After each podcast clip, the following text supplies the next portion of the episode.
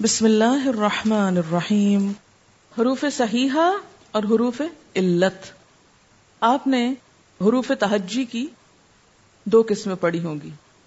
ایک حروف صحیحہ اور ایک حروف علت حروف صحیحہ سارے ہیں حروف علت بس تین ہیں، جن کو انگریزی میں واولز کہا جاتا ہے۔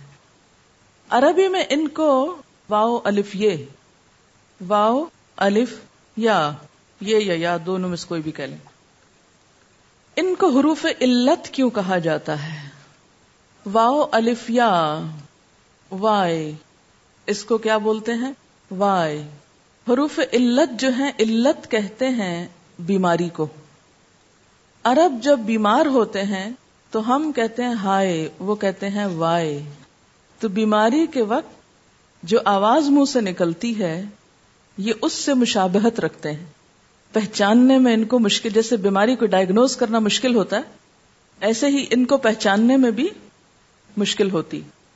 اب آپ دیکھیں کہ فا اس میں کوئی حرف علت ہے؟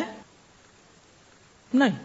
ہمیشہ یہ فے این لام ہوگا، اس کی کوئی مرضی شیپ بنا لے۔ اس کا یفالو بنا لے فائل بنا لے فائلین بنا لے مفول بنا لے افعال بنا لے، تفعیل بنا لے، کچھ بنا لے۔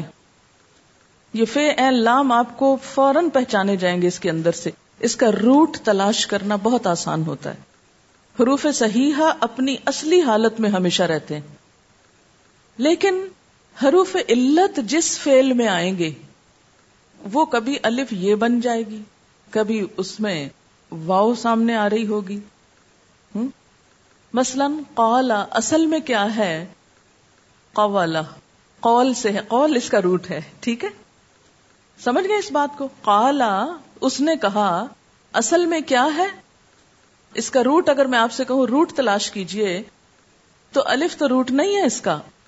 تو اس میں ہم دیکھتے ہیں کہ قالا جو ہے، یہ اصل میں قول ہے، لیکن حروف علت کی وجہ سے اس میں آ رہا ہے اور یہ واحد مذکر کا سیگا ہے۔ سبحانك اللهم وبحمدك نشهد ان لا اله الا انت نستغفرك ونتوب اليك والسلام علیکم ورحمۃ اللہ وبرکاتہ.